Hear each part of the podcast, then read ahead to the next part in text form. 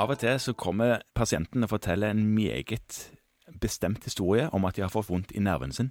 Ja vel. Mhm. Hvilken nerve da? Har de bare én? Femte Nei, de har flere nerver, men nå er det den femte hjernenerve som er vond. Ja.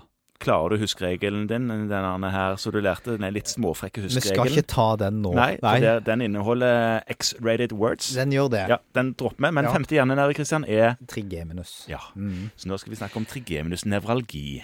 Ja. Ja, for det man får vondt i den nerven sin. Det er jo en pasient med en viss anatomikunnskap du har hatt på besøk, da, hvis de vet at det er den femte hjernenerven de har vondt i. Nei, de kommer jo ikke til å si det, men de sier at de har fått sånn trigeminusnevralgi. Ja, for det har de lest på Google. Nettopp. Onkel Google har gitt svaret, eller en bekjent har det samme og sier at det er det du har. Det er jo ikke alltid det er riktig at det er det de har. Nei.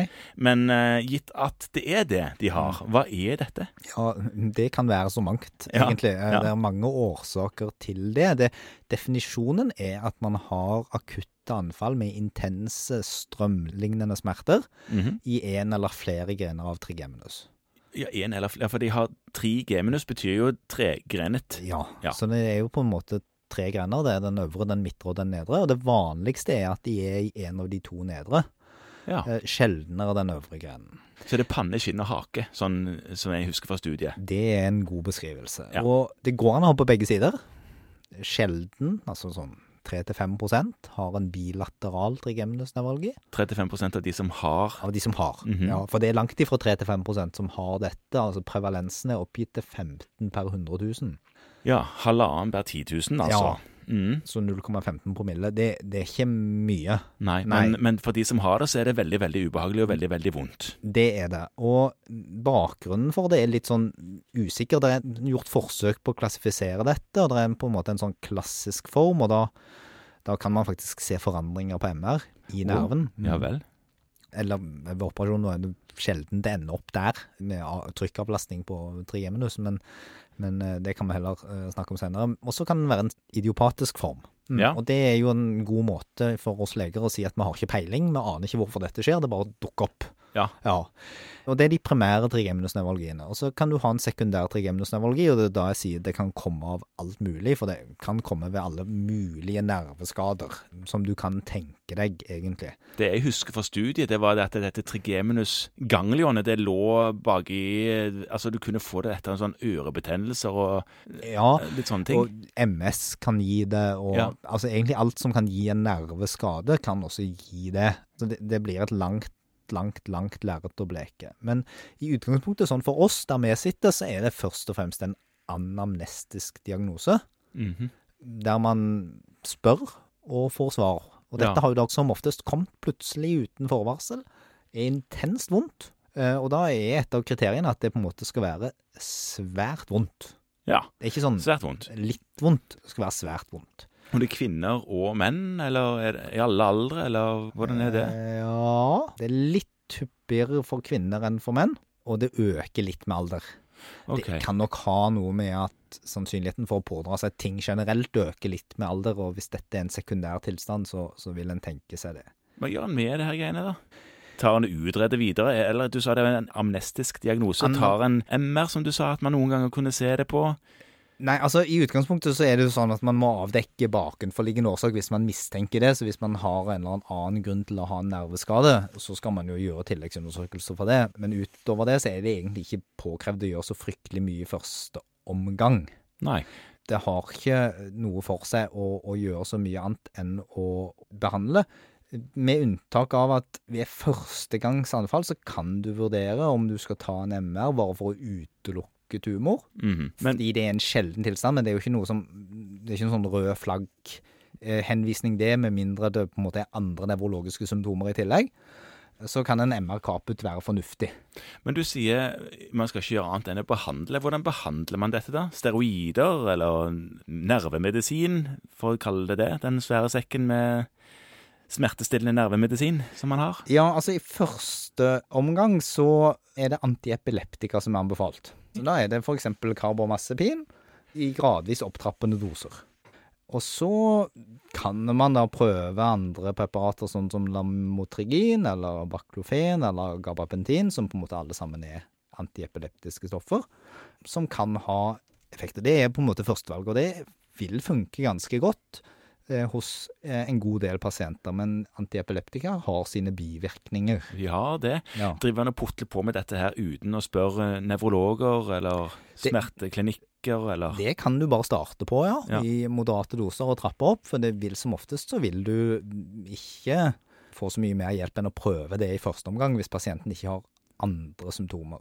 Da må man ta sånn serumspeil på forskjellige stoffer, da. Noen ganger for antiepileptika. Ja, det er ikke så viktig her, for når det ikke er en epilepsiforebyggende behandling du er ute etter, så måler du jo her effekten ganske sterkt på om det fungerer smertestillende eller ikke. Ja. Så her kan du måle på effekt og bivirkninger. Eh, grunnen til at vi ikke gjør det på epilepsi, er at de, det er litt dumt å måle på effekt eh, og se på har de anfall eller har de ikke anfall. Jeg skjønner. Eh, Så det er der man jobber med dette med terapeutisk kose. Og så kan du da, hvis det ikke er nok, gi smertestillende. Eh, Og da funker det faktisk hos noen med lokalanestetika. Altså gel? Ja. Ja. Eller uh, spray eller gel uh, på grenen. Altså på den trigemnusgrenen som, som er vond. ja men altså på, hvordan, hvordan da? Da smører man inn det området som er smertefullt. Ok, sånn, ja. Ja. Og det, det har en effekt hos noen. Og så er det sånn at det går an å gjøre kirurgisk behandling, men det er når man har en terapisvikt. Og det er i hvert fall ikke noe man holder på med i ja. Og når man finner noe å skjære på. Da skal man dekomprimere på nerven, fordi da er det det som er problemet. Og så er det noen intraktable tilfeller der de på en måte kutter hele nerven.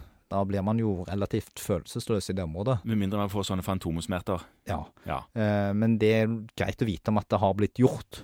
Det er òg enkelte tannleger som driver og diller med denne tilstanden fordi at pasienter tenker at de har tannverk. Ja, det er jo en eh, bivirkning, og det kan jo også være tannverk. Så det kan jo Ja, være lurt å dobbeltsjekke med Altså Det hører jo litt med til å tenke differensialdiagnoser på et tidlig tidspunkt, men, men tannverk er jo absolutt en av tingene. Eh, sinusitt kan man også Ja. miste for dette. Hvis det er en først, altså en, en, en pannegren, så er jo clusterhodepine og andre hodepiner også en differensialdiagnose. For eksempel temporale sarteritt. Ja, Selv om det vil nok gi litt mer langvarige smerter enn en klassisk trigeminusnevralgi. mm, Eh, og så er det selvsagt soster Ja. som man skal tenke på. mm. Uh, så det er klart at alle de tingene skal være vurdert og utredet før man iverksetter behandling. Forstår. Uh, men det er i hvert fall ikke farlig å starte behandling selv. Og så tenker jeg at hvis du ikke kommer til mål med den behandlingen, så må du jo spørre en nevrolog om hjelp. Ja. Mm. Men dette her er litt sånn uh, diffusitas-tilstand, høres det ut som. Som oppleves som veldig konkret og åpenbart for pasienten, men det er litt vrient å finne ut akkurat grunnen. Ja, men så kan en si det at det er ikke veldig farlig å starte med et antiepileptikum, og det er ikke veldig farlig å ta en MR, og så ta pasienten tilbake til en kontroll, og hvis du ikke kommer noen vei, så kan du spørre en voksen om hjelp. Ja. Så jeg tenker at løpet her er for så vidt ryddig nok. Tenk på underliggende grunner til at pasienten kan ha en nerveskade, og hvis du ikke finner noe åpenbart som du har tenkt å utrede videre der og da, så starter du behandling og tar pasienten til kontroll. For noen så er jo dette en smertehistorie som tar veldig mye av kapasiteten og livet. Mm. Så det er jo kanskje noe som man skal være oppmerksom på, at en del av disse pasientene, selv om du aldri så mye har spurt en nevrolog eller smertepoliklinikken eller hva du spiller ball med, så vil de ikke bli bedre.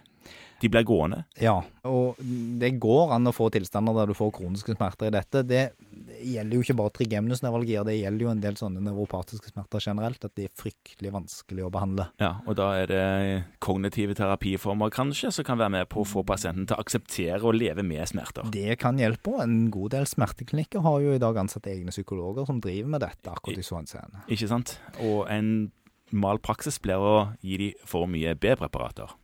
Eller A-preparater, som det fort blir. Det bør man være forsiktig med. Lokal smertebehandling, betyr det òg at man kan sette lokalbedøvelse? Eller kan man sette Botox i dette? Eh, Jo, lo- lokalbedøvelse kan man jo helt sikkert sette, og det vil jo ha en forbigående effekt. Ja, men jeg kom på Botox Boto. Botox, ja, Botox gjøres det forsøk med, og Ja. man vet fra en del andre tilstander at Botox kan ha effekt på den typen ting. Så det er i hvert fall lovende forskning på Botox for denne typen smerter. Og jeg tenker at til den pasienten som du skisserte, som der ingenting annet funker, så er det i hvert fall noe å snakke med nevrologene om det er mulig å få gjort. Ja, det tar ikke du å gjøre, selvfølgelig. Dette her er Vi setter ikke Botox for noen ting ute hos oss, i hvert fall. Nei, det er ikke ofte.